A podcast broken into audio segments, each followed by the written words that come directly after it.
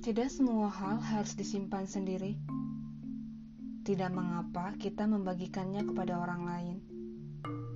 Bukan untuk mengeluh, namun hanya untuk berbagi bahwa ternyata hidup ini tidak ada satu celah pun untuk kita hakimi.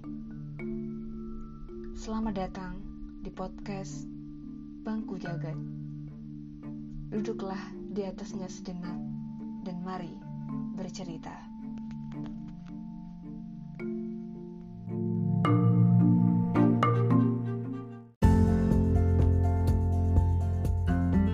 Puisi ini aku tulis selepas bertemu teman di Kedai Kebun Forum Yogyakarta. Jadi waktu itu dia minta tolong aku nulis puisi yang akan dibacakan di pementasan teater Paguyuban Bugis Makassarnya. Aku tuh kayak, what? Aku nggak pernah loh nulis puisi untuk orang lain gitu. Tahu-tahu ini ada temanya gitu. Tapi waktu itu dia percaya aku bisa. Oke, kenapa enggak? Akhirnya aku nulis sebuah puisi yang menceritakan kekagetanku hari itu. Dan sebagai latihan aja sih sebelum nulis pesanan puisinya.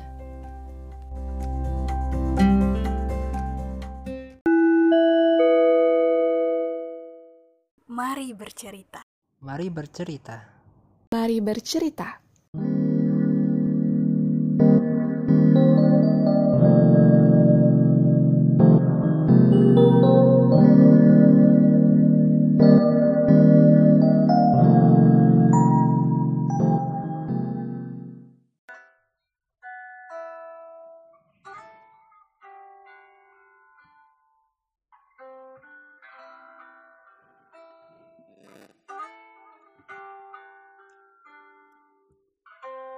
Teruslah berjalan.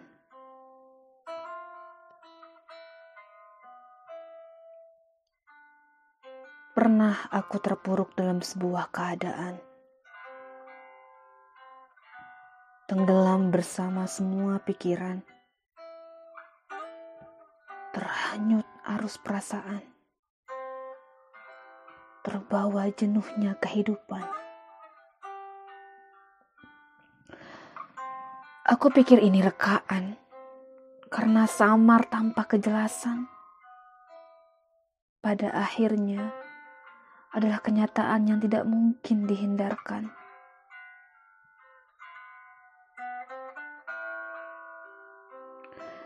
Kuyakinkan diri untuk bertahan, karena masih ada Tuhan yang dijadikan sandaran. Tak pantas lagi hadirkan keputusasaan. Maka, teruslah berjalan. Ririn Diah Sartika, Bogor, 2 April 2019.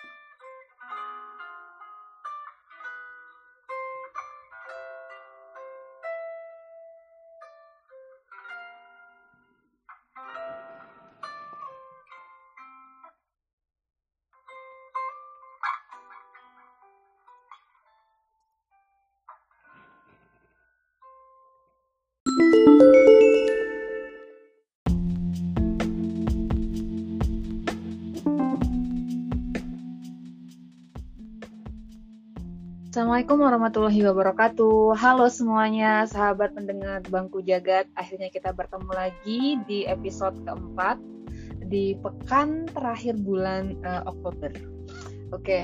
uh, eh, di sini masih musim gugur, uh, tapi udah emang udah dingin banget sih. Kayaknya sih November atau Desember udah bener-bener uh, winternya. Ya, uh, hari ini aku kedatangan tamu. Uh, seneng banget akhirnya aku nggak sendiri di pekan ini uh, ada tamu dari Indonesia. Alah, pokoknya uh, siapa beliau ini? Jadi puisi yang tadi aku ya, puisi yang aku baca tadi adalah puisi beliau. Uh, beliau itu uh, podcaster juga beliau lebih senior sih daripada aku ya jadi uh, nanti kita akan berkenalan berkenalan langsung nih dengan beliau oke okay. uh, eh, satu hal sih sebenarnya uh, yang membuat aku ingin mengundang beliau ini adalah uh, beliau ada sosok yang sangat menginspirasi aku sejak kuliah. Jadi um, yang mengajarkan aku gitu ya sampai hari ini bahwa uh, ternyata kita nggak bisa loh menunggu momen sempurna untuk bisa bersyukur, untuk bisa bahagia gitu. Uh, dengan segala keterbatasan, uh, apa pun yang mungkin kita punya satu batu di tangan, tapi kita bersyukur dengan itu gitu. Dan aku mendapatkan uh, pembelajaran, pembelajaran itu dari beliau gitu. So, kita sapa saja langsung. Halo. Halo juga Ella. Halo Kak Ririn. Apa kabar? Alhamdulillah baik banget. Seneng ya. banget ya. Ini aku masih nyubi-nyubi nih Kak jadi podcaster, jadi tolong dimaklumi saja lah ya. ya sama kok. Depok gimana kak? Kabarnya di sana hujan, panas, atau gimana kak? Uh, Depok ya. Ella belum update nih kalau sekarang aku di Bogor. Eh, udah di Bogor? Oh sekarang udah pindah ke Bogor? Iya di Bogor dong. Bergeser dikit sih. eh dulu jadinya aku aku main ke tempat oh iya aku tuh kan main ke tempatmu dulu rumahnya di Bogor ya lupa iya iya, iya. lupa kan iya satu stasiun satu stasiun sebelum stasiun Bogor kan ya? Ujung hmm. gede kan? Iya iya iya. itu udah banget iya. Bogor dong kota hujan. Jadi ya selalu hujan. Iya tiap saat. Hmm. iya jadi Karirin uh, oh ya jadi Karirin ini sahabat pendengar uh, dulu uh, berkuliah di mana kak di, di sastra Arab ya? Sastra iya sastra UI 2000 angkatan 2011 ya angkatan 2011 aku di 2012 eh sering sering ketemu lah sama Karirin dulu di musola terus kayak apa namanya rajin banget uh, dan Nusan dulu pokoknya. Wah gila banget dah. Apa ya? Pokoknya ini banget lah Karirin dulu kita sering ketemu di di musola tapi kita belum yang ya kita saling kenal satu organisasi dulu ya. Uh, cuma makin makin ke sini makin ke sini kita yang satu tempat ngaji gitu kan, terus uh, satu komunitas, alhamdulillah masih bisa berkomunikasi. Terus uh, ini sih sahabat pendengar, aku banyak ngomong dulu. Karirin, cuekin Karirin dulu. Jadi uh, apa namanya? Yang membuat uh, Karirin ini spesial buat aku adalah uh, Karirin ini punya punya apa ya nyebutnya kayak gimana kak? Nyebutnya? Tapi salah salah nih ngomongnya. Oh iya, baik, dulu, dulu, dulu. Jadi sahabat pendengar, Karin ini orangnya tuh sangat bersemangat. Terus uh, dulu ya, beliau tuh yang uh, kakak tuh jago kaligrafi nggak sih? Mm. ya uh, jago kaligrafi terus pokoknya uh, pokoknya aktif semangat terus dan yang bikin uh, terus gue nanya El ya kan orang juga ada ada juga kali yang semangat ada juga yang jago kaligrafi terus kenapa gitu nah yang bikin uh, spesial itu adalah kali ini um, adalah uh, salah satu salah satu uh, seseorang yang uh, punya disabilitas gitu. Uh, apa nyebutnya kak? Namanya apa kak? Disabilitas netra. Disabilitas netra. Jadi uh, jadi beliau ini punya keterbatasan dalam melihat gitu. Nah tapi itu loh guys yang bikin aku tuh uh, apa namanya uh, banyak belajar gitu ya dari sosok Karirin ini gitu. Dengan segala keterbatasannya beliau itu bisa berkarya gitu. Uh, dan tadi puisi yang aku baca itu itu uh, itu tulisan dari apa sih braille braille ya? Ya braille. Braille ya braille gitu. Jadi hmm. bukan tulisan latin seperti orang normal guys gitu ya. Tapi beliau menulis dalam bentuk seperti itu terus uh, beliau mengirimkannya uh, ke aku gitu Nah, uh, karena seorang Ella ini mungkin juga banyak Ella-Ella yang lain di luar gitu ya. Sering sekali mengeluh sering sekali apa namanya menjadikan banyak uh, situasi banyak kondisi yang kita salahkan gitu ya. Sehingga ah gara-gara ini nih gara-gara si itu tuh gitu kan. Tapi uh, seorang Karirin dengan segala uh, apa namanya uh, fair nggak sih kalau dibilang keterbatasan? Dengan segala uh, kekhasan gitu lah yang Kak Ririn punya gitu ya. Beliau menembus uh, Bogor Jakarta, tahulah gimana kondisi kereta di pagi hari gitu kan dari penyet-penyet terus uh, aku aja nih yang yang yang yang biasa aja tuh aduh stres banget gitu ya. Tapi Karin bisa gitu ya uh, menjalani itu. Nah, aku kan kepo banget nih ya. Uh, apa namanya? Uh, sama Karirin gitu. Tapi aku juga lebih kepo lagi nih sama puisi yang tadi uh, yang Karirin pernah tulis gitu. Nah itu boleh nggak Karirin ceritain dulu deh dari sana? Apa sih maksudnya gitu?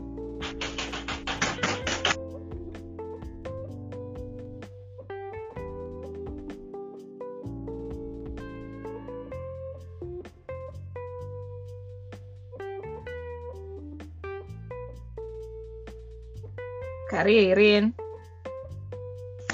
Oke, okay, uh, eh, maaf ya tadi sedikit terhambat. uh, aku pindah posisi dulu ya sebentar. Oke okay, oke. Okay, uh, oke, okay. udah ya.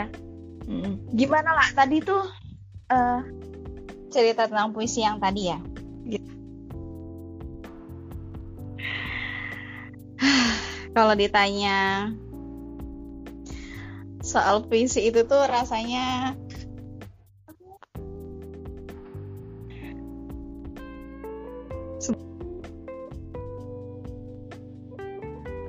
kakak itu kakak ini deh. Kakak nonaktifin tuh. Kakak nyalain lagi mikrofonnya. Iya sudah. Oke. Okay.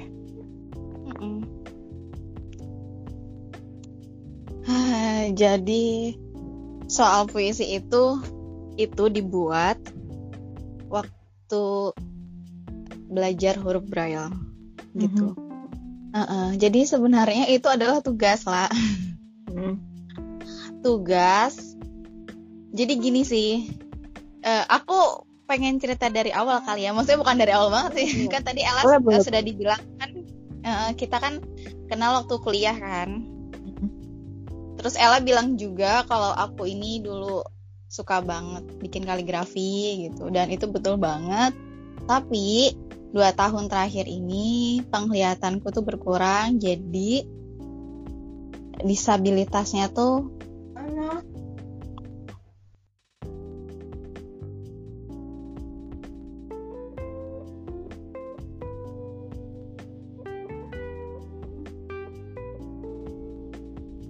Nyalain lagi gak?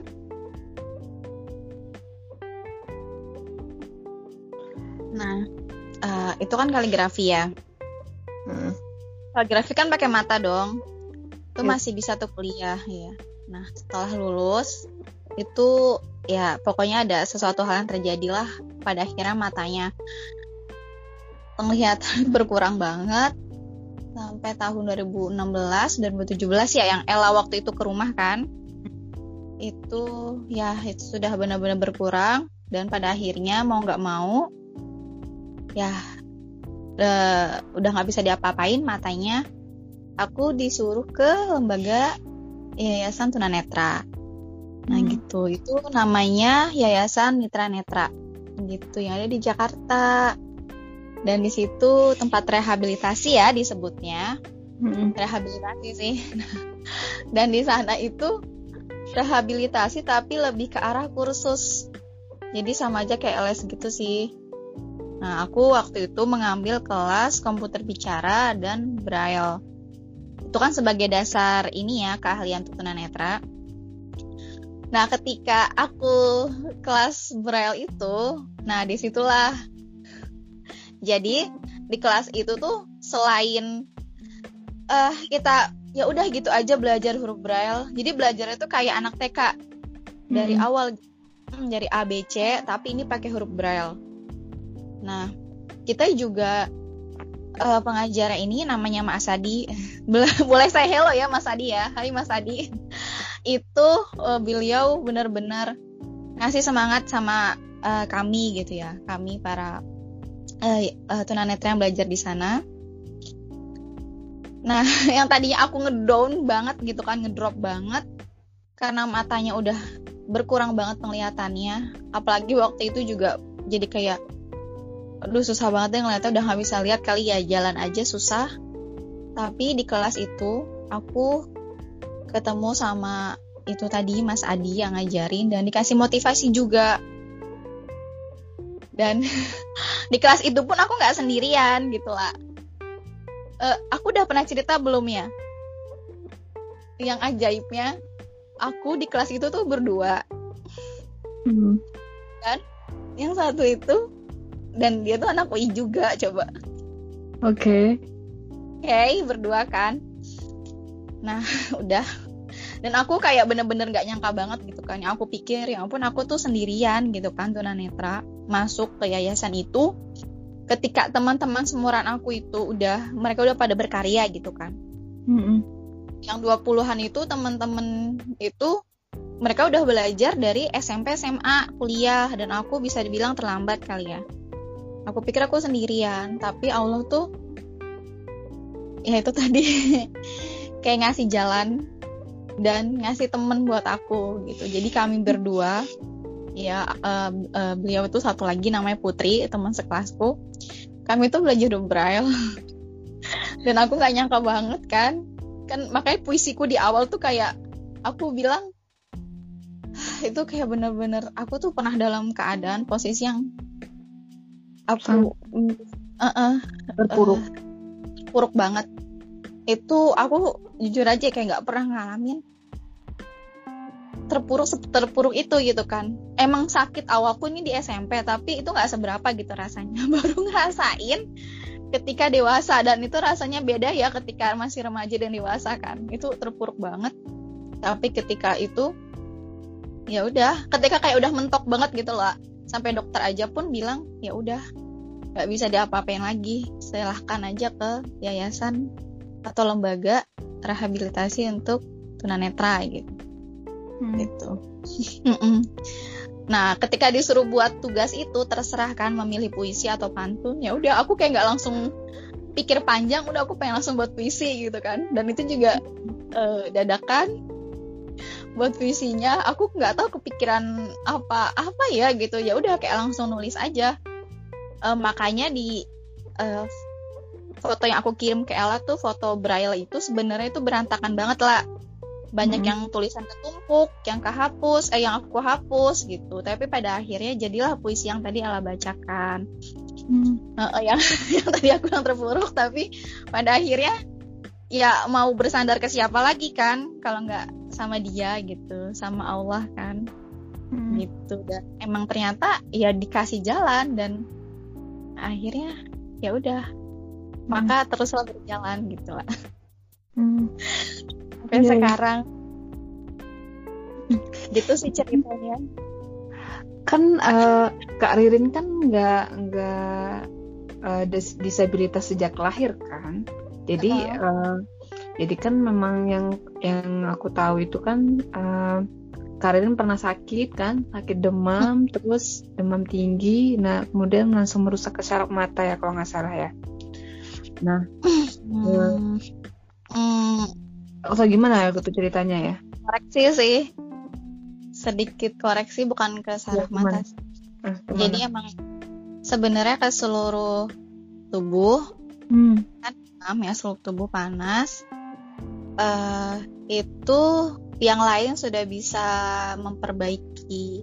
Kalau kulit itu bisa kembali kan? Apa sih namanya tuh? Kalau anak IPA gimana?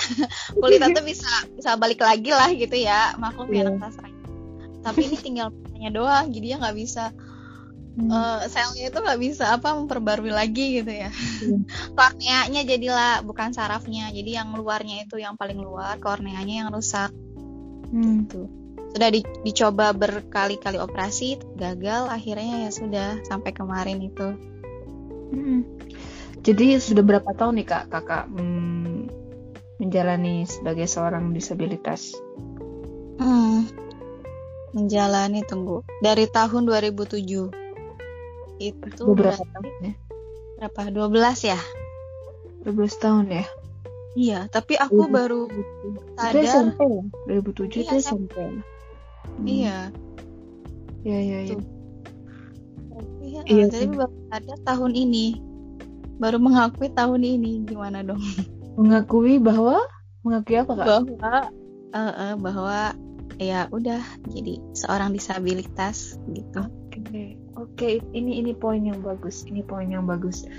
Jadi jadi 2019 sebelumnya sampai ke bawahnya itu kan berarti banyak sekali pergolakan emosi ya, pergolakan pergolakan batin gitu kan ya kak. Eh, maksudnya gini kan makanya kan tadi aku nanya kan kalau eh, kakak kan dulu lahirnya normal, kemudian eh, ada sebuah kejadian yang membuat kakak eh, seperti itu gitu. Nah pasti hmm, eh, mungkin akan beda gitu ya eh, psikologinya ya gitu. Kalau misalnya secara psikologis bagi orang-orang bagi eh, saudara-saudara kita yang lain yang lahir eh, sudah dalam kondisi eh, misalnya punya khas gitu kan.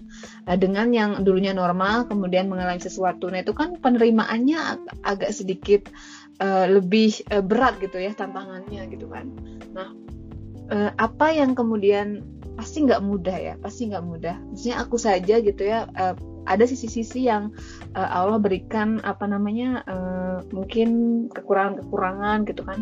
Yang kadang-kadang eh, kita keluhkan gitu yang kadang-kadang seorang Ella itu keluhkan gitu. Sampai kan pada akhirnya eh, sampai pada akhirnya itu diberikan banyak eh, tamparan-tamparan pukulan-pukulan sehingga kemudian kayak oke deal. Oke saya deal ya Allah. Oke saya terima saya terima. Dengan kita udah dibuat babak belur sedemikian rupa gitu.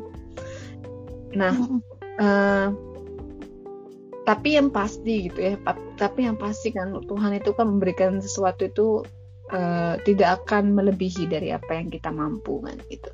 Jadi eh, nah gimana gitu loh proses eh, 12 tahun ke belakang gitu kan sampai pada titik ini kemudian oke saya menerima ya Allah kalau saya adalah seorang disabilitas gitu. Itu gimana kak? Kakak mungkin bisa sharing gitu kan ke sahabat-sahabat Bu Jagat untuk ya menginspirasi lah.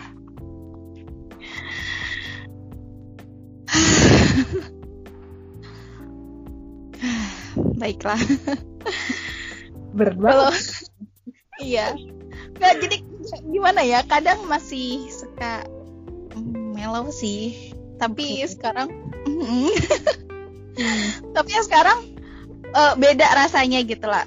Eh, mellownya itu ketika nggak sedih kan. Kalau dulu aku ditanya begini sama Ella mungkin Ella belum pernah nanya ya. Itu aku bakalan nangis gitu kan. Oke. ceritanya.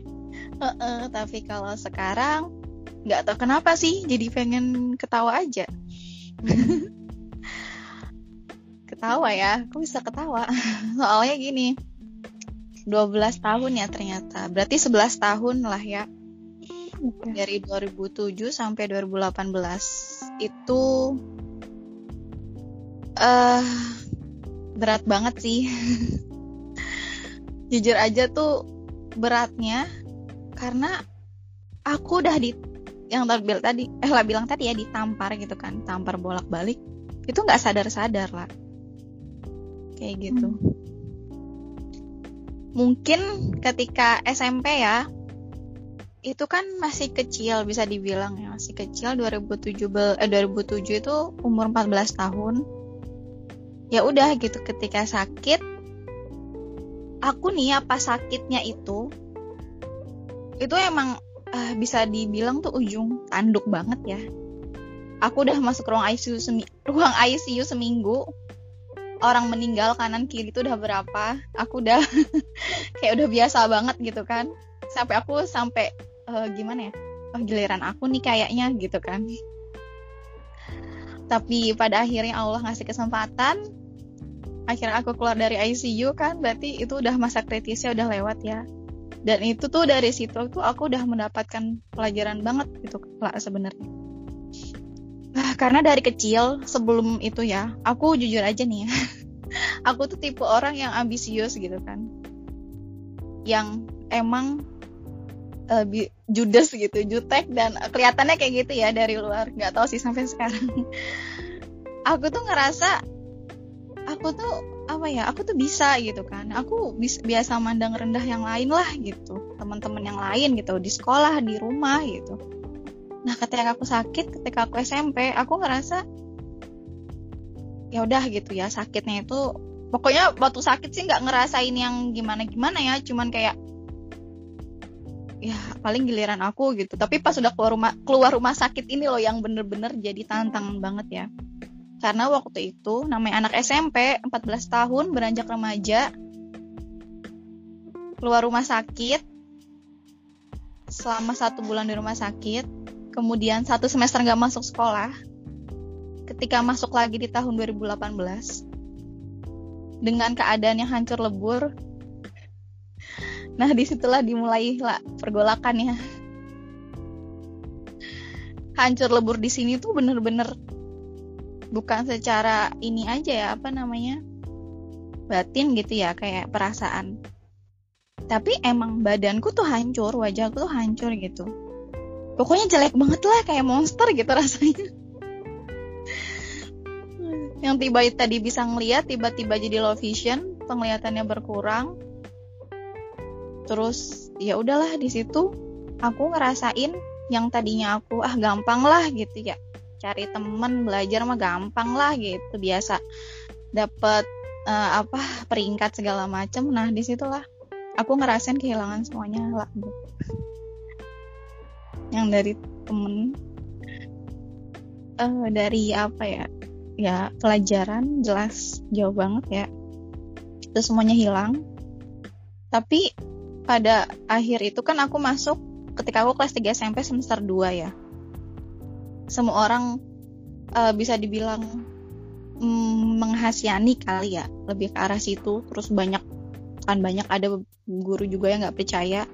Kalau misalkan ini nggak usah dinaikin nih gitu kan. Nanti daripada malu-maluin sekolah dia nggak lulus UN coba bayangin tuh anak remaja digituin temen-temen itu sama sekali nggak ada lah. Nggak tahu aku kayaknya aku deh yang yang salah kali ya. Ketika masuk aku pikir semua baik-baik aja gitu masih seperti biasa teman tapi semuanya kayak aku ngerasa sendirian di situ tuh.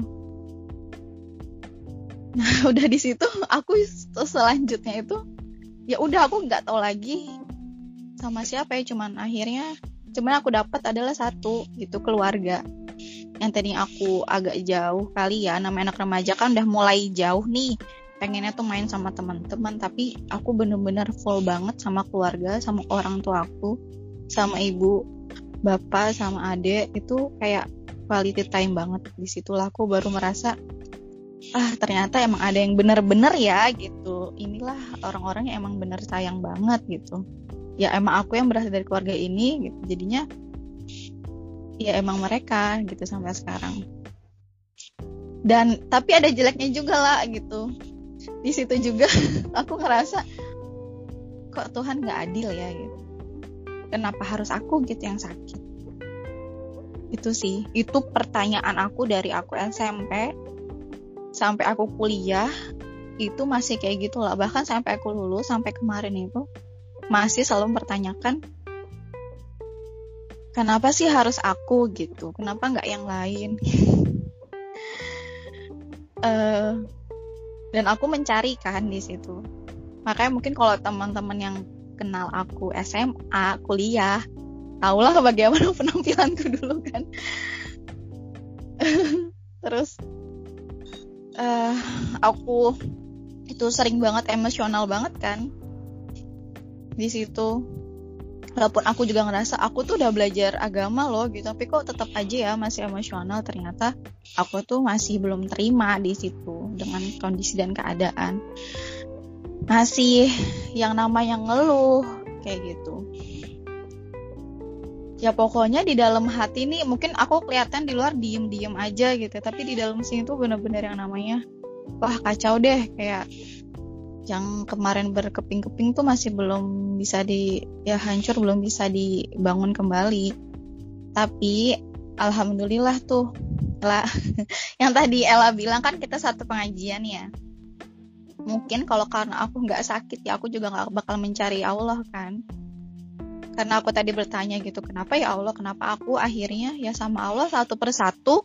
Pertanyaan itu tuh dijawab dan aku ngerasa sampai sekarang nih saat ya itu tadi lapis demi lapis Allah bukakan dan rasanya itu luar biasa sampai akhirnya aku bilang tahun ini gitu kan. Ya sudah memang keadaanku seperti ini memang pasti Allah ada rencana lain untuk aku gitu kan. Karena Allah tuh yang lebih tahu kan. Bukan sesuai apa yang kita inginkan tapi Allah tahu apa yang kita butuhkan gitu. Dan kemarin juga Allah sudah uh, jedotin lagi kalau aku ya bahasanya ya. Udah dijedotin lagi. Kalau sampai aku nggak sadar gitu kan. Itu kebangetan banget gitu. Jadi ya aku nggak mau gitu kan sampai akhirnya ya udah aku sekarang memang disabilitas disabilitas netra. Memang kondisinya seperti ini nggak bisa dirubah apa pun lagi gitu. Ya udah menjalani aja apa yang ada. Hmm, dan terus berjalan gitu ya menjalani kehidupan ini gitu karena mau nggak mau kan. Sampai ada satu quote quotes lagi ya lah itu baru kemarin banget sih. Ya mungkin Ella juga baca kali ya dari status postingan Facebook guru kita gitu kan. Uh, ini quotesnya dari Ali bin Abi Thalib.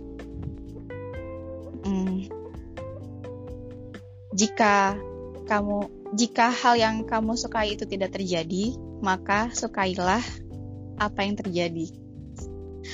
Nah itu kayak jelek banget dan uh, insya Allah ya hari ini terus memperbaiki diri. Dan aku bilang ya udah aku akan suka apa pun yang terjadi kayak gitulah. Udah aku jadi mulai menyukai dunia ini gitu kan. Dunia disabilitas yang maksudnya ya. Uh, ya mungkin aku juga ada manfaatnya kalau aku di sini gitu kan untuk teman-teman disabilitas lainnya gitu aja sih lah speechless aku kak. Aku kira kamu diam dari tadi gimana? Aku aku tuh nggak nggak berani me, me, menyelai gitu loh kak. Maksudnya uh, gimana sahabat mendengar? Apa ya aku nggak tahu mau ngomong apa. Masya allah banget terusnya um, uh, apa ya?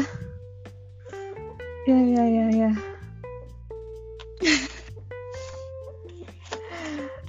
Oke, okay, berarti kan memang uh, kan setiap orang itu kan pasti punya uh, pasti punya uh, porsi-porsi atau punya ruang-ruang uh, ruang-ruang sakitnya gitu kan. Ruang-ruang kesakitan ruang-ruang yang mungkin disebutnya penderitaan gitu kan setiap man setiap orang tuh pasti punya itu gitu.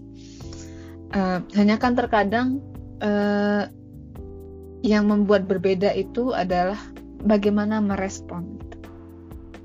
bagaimana kemudian kita uh, uh, bagaimana perform kita di dalam ruang dalam ruang-ruang kesakitan itu gitu. Apakah kita akan menari gitu? Ataukah kita akan melukai diri kita atau kita akan gebuk-gebuk tembok kan kita akan gebuk-gebuk lantai gitu karena kondisi marah atau kita memilih kita menari gitu hmm. seumpama uh, kesakitan itu adalah lagu gitu uh, seba, se segala bentuk ujian-ujian dari Tuhan itu adalah lagu gitu. Apakah kita akan memilih menari mengikuti irama lagu tersebut gitu? Atau atau enggak? Jadi kayak uh, seumpama ini ya. Jadi seumpama kayak uh, aku jadi me pernah mendengar sebuah uh, ilustrasi kan dari dari ikan. Mungkin Karin pernah dengar kan. dari uh, seekor ikan yang dipancing oleh pemancing gitu dipancing oleh seorang pemancing gitu kan kan uh, kalau misalnya ini aku boleh gambarin dari 12 tahun uh, 11 tahun sebelumnya itu kan seumpama Karirin adalah uh, seekor ikan. Mau dipancing nih.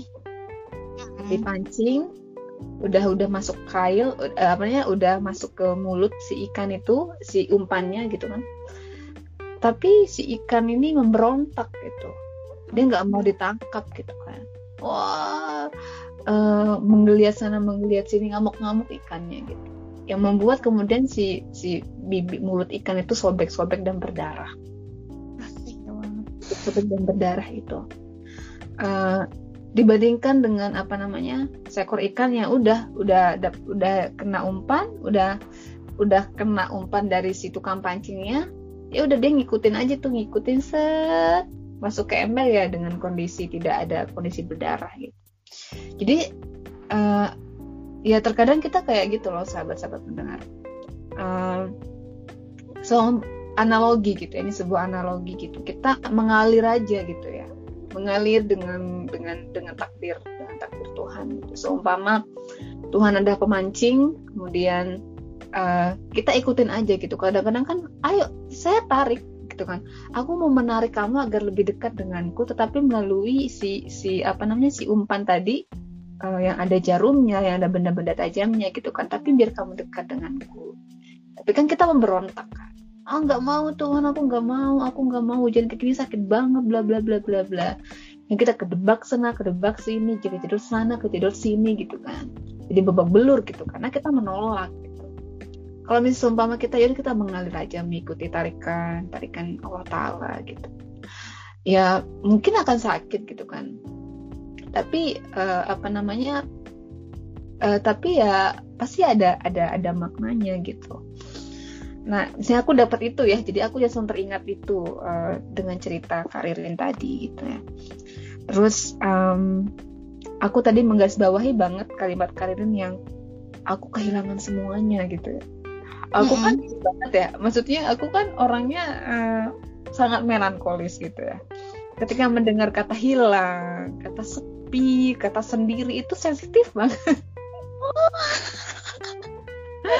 hehehe baper tapi ini beneran maksudnya kehilangan semua gitu kan uh, apa sih kak yang kemudian kakak dapatkan gitu ya dari uh, kan pasti nih kak Ririn pernah merasakan sebuah kehilangan gitu hmm.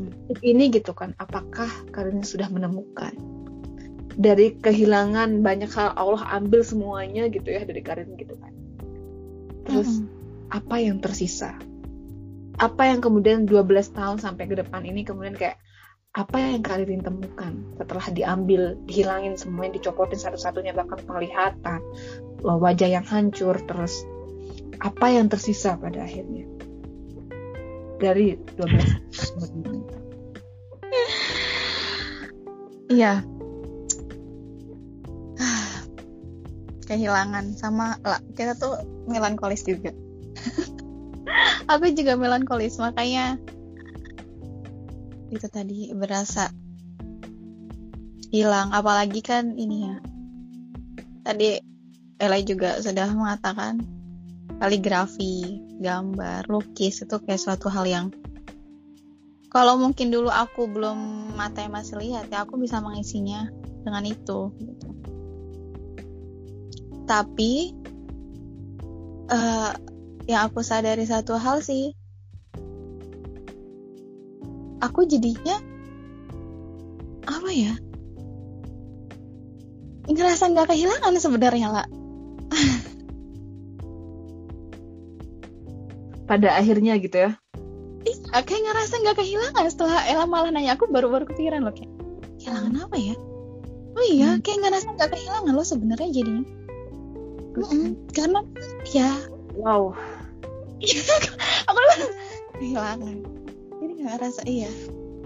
Ya karena kan pasti semua orang tahu ya ini kan teorinya gitu. Karena miliknya emang bukan milik kita kan semuanya ini Hmm. kalaupun mengambil penglihatan ya sudah. Gitu. Kalau mengambil lingkungan mengambil teman-teman ya sudah gitu. Karena itu adalah ya itu berhala yang ada di hati lah. Iya nggak sih? Aku be- berasa banget itu sekarang. Karena aku tipe bahkan ini loh lah sampai tahun 2016 aku masih bilang rasa kehilangan. Kehilangan bersama kalian. Ya mungkin Allah tahu kan harusnya kita bareng-bareng. Hmm. ya akhirnya aku ngerasa dan lagi ngerasa kayak sendirian lagi ketika Ella 2016 itu kalian Hmm. sudah berjalan. Aku ngerasa kayak jalan apa enggak bukan mungkin belum jalan ya ketinggalan di tempat. Tapi itu tadi ya itu itu kayaknya emang berhal yang di hati deh. Yang ada dari aku kecil sampai kemarin itu. Ya kan nggak boleh bersandar nggak boleh menggantungkan pada itu ya. Ih, teman-teman ya ya kalau Ella bilang kehilangan aku jadi ngerasa nggak kehilangan apa ya? Hmm. apa ya? Ya gitu lah dia Ella. Ya, ya, ya. Terus tadi kan kakak ada nyebut poin em, iya. lebih poin. Dulu aku merasa aku tuh lebih baik daripada orang lain. Terus kayak eh, apa namanya aku sering istilahnya menyepelekan orang lain gitu. Nah itu itu gimana? Dari dari dari apa namanya? Itu kan tadi kan Karina menyebutkan itu salah satu eh, apa ya eh, kejelekan lah gitu kan. Terus kemudian ketika diberikan sebuah ujian seperti ini gitu kan jika disambungkan gitu ya dengan kita menyepelekan orang lain apa yang kemudian Kak Ririn artikan gitu dari sebuah eh, ujian ini gitu buat Kak Ririn? Aku jadi benar-benar merasakan gimana rasanya Iya, ketika aku gak dilihat ketika aku berada di bawah gitu ya direndahkan aku nggak tahu sih orang menyepelekan aku atau enggak ya. Cuman aku jadi ngerasain oh ternyata gak enak ya rasanya. Ternyata rasanya begini ya gitu dan ini loh yang mereka rasakan ketika aku dulu memperlakukan mereka seperti itu jadi aku bener-bener ngerasain udah nggak bisa lagi deh hmm. Eh, jadi gimana ya, memandang sesuatu itu eh ya nggak bi nggak aduh aku nggak bisa ngomong nih soal eh, ini ya karena aku ngerasa banget dijedotin gitu ya lah. Oh, aku suka merendahkan ya ketika aku sekarang jelas keadaan, disabilitas kayak gini ya pasti ya orang hmm, gitu. Mungkin nggak tahu kan maksudnya dan ah, ya udah sekarang aku jadi nggak ya nggak bisa bukan nggak bisa ya nggak ada rasa apa ya? Nggak ada rasa itu lagi gitu loh lah kayak memahami bahwa ya udah semuanya itu sama gitu. Ya manusia itu nggak pantas merendahkan manusia yang lain nggak pantas menyepelekan yang lain gitu. Ya. Itu sih lah gitu. Jadi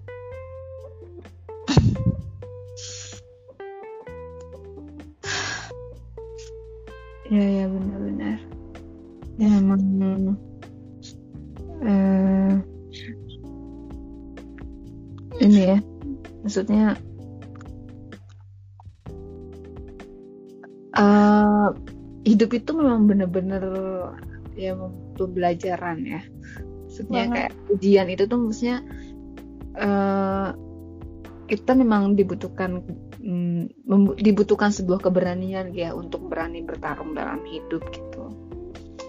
Jadi kalau misalnya tadi Karirin bilang apa namanya uh, uh, ke apa ya diambil uh, yang apa ya semata kita apa pun ini bukan milik kita gitu ya di, ya silakan diambil gitu aku tuh teringat gitu dengan dengan salah satu uh, perkataan dari penyair sufi Muhammad Iqbal uh, hmm. asal Pakistan jadi beliau tuh mengatakan seperti ini uh, silakan ambil segala hal gitu yang ada di dalam diriku um, uh, kecuali kenikmatan uh, kenikmatan beribadah atau kenikmatan beribadah atau air mata ketika uh, ketika sholat ketika sholat malam gitu ya gitu. Bagiku tuh kayak uh, itu sebuah kalimat yang sangat berani ya. Banget. Sangat berani banget gitu ya dari seorang penyair beliau lahir 19 apa ya 1877 kalau nggak salah ya 1877 terus uh, apa ya? Ya itu kan karena kan setiap kalimat itu akan akan diuji akan diuji betul gitu kan ya? Beneran nih. Beneran nih.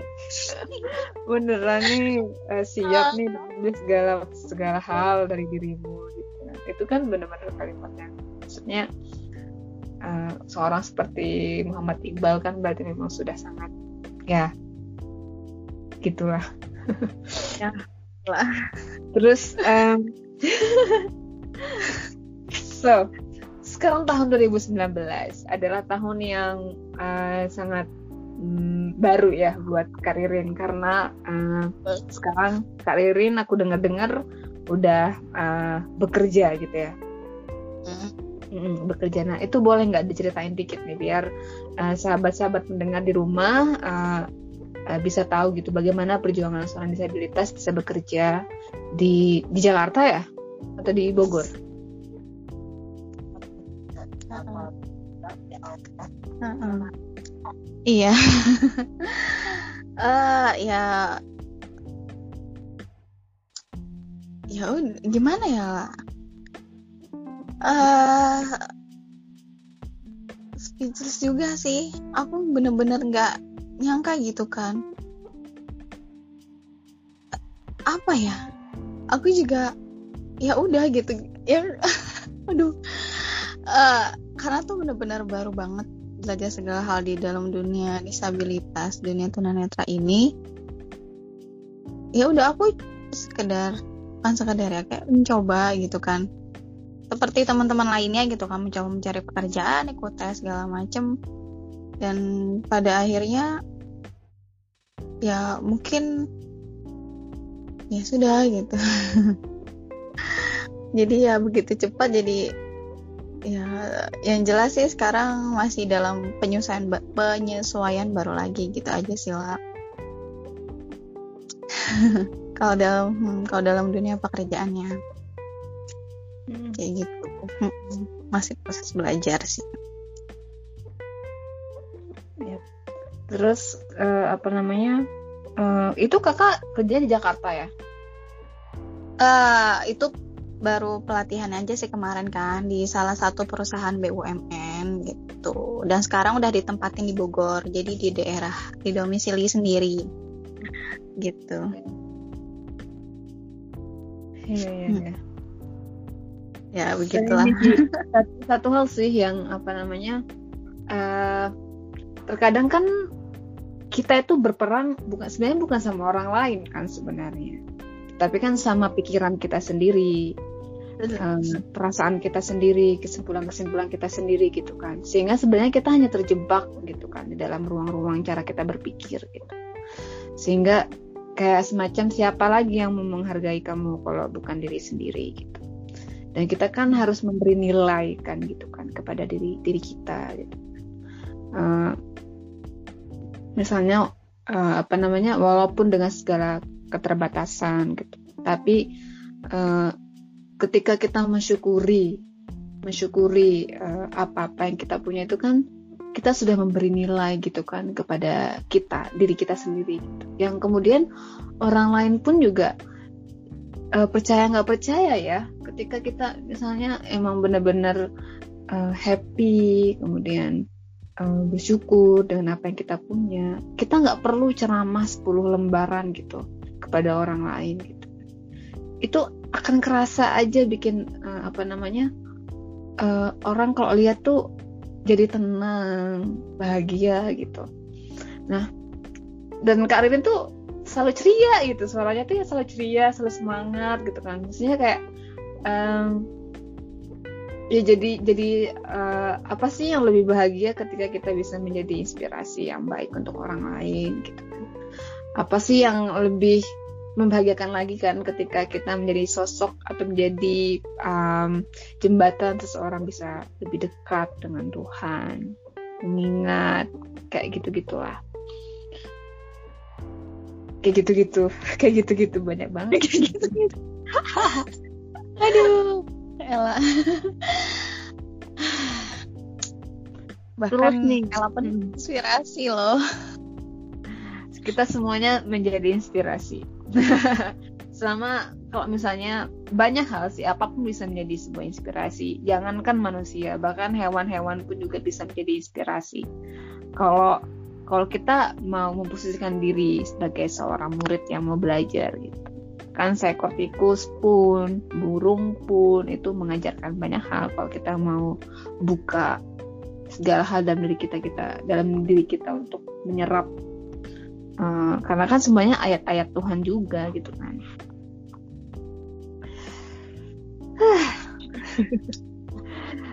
Terus nih um, menyontek dulu catatan-catatan nih nanya apa lagi nih karirin ya? panjang banget ya. Udah lama banget loh lah ini. Ya yeah, udah 28 menit ya. Ya uh, aku pengen closing dong dari Kak Ririn. Uh, buat sahabat-sahabat pendengar, buat eh, sahabat-sahabat pendengar bangku jagat gitu. Apa yang um, mungkin bisa kakak bagi uh, untuk untuk mereka gitu. Untuk penutup penutup kita episode ini. Closing ya. terus berjalan dan belajar. Ya, itu sih. Karena kalau aku mau bilang eh, yang lain-lain, ya harus bersyukur, eh, segala macam gitu. Aku pun masih belajar gitu. Jadi ya, marilah kita belajar bersama-sama dan terus berjalan walaupun ya di depan apa yang terjadi gitu itu aja sih lah oke oke sahabat pendengar uh, sudah hampir um, satu satu jam kita uh, bincang-bincang dengan Kak Ririn kamu kita dari kota hujan um, ya aku berharap uh, sahabat-sahabat pendengar mendapatkan banyak sekali uh, buah-buahan uh, yang jatuh dari pohon di bawah bangku jagat pada sore hari ini. Di sini sudah menuju sore ya. Eh, siang ding. Ini di sini sore mau maghrib. Oh ya, sudah sore ya, ini sudah sore benar-benar. Ya. Um, Terima kasih sekali lagi Karirin. Semoga Karirin selalu sehat, tetap menginspirasi, tetap ceria, tetap happy. Um, aku berharap nanti bisa diundang ya ke podcastnya Karirin. Itu udah pasti kita ganti. Jadi kita Apa apa namanya? Uh, apa nama podcastnya Karirin? Oh, podcastnya Rins Journey Podcast. This Journey Podcast ya. Jadi nanti di follow ya guys ya. Bagi kalian-kalian yang punya anchor nanti langsung ya. Uh, banyak banget cerita-cerita menginspirasi tentang uh, tentang dunianya beliau gitu. Oke okay, sip. Thank you, thank you, thank you, thank you. Uh, sahabat pendengar, terima kasih sekali lagi sudah mau datang, sudah mau uh, singgah sebentar di Bangku Jagat. Kita jumpa lagi di bulan November, mungkin sudah winter dan siapkan uh, baju hangat kalian nanti ketika mendengarkan podcast selanjutnya. So, terima kasih Karirin, sampai jumpa di uh, episode selanjutnya. Bye bye. Ya. Assalamualaikum warahmatullahi wabarakatuh.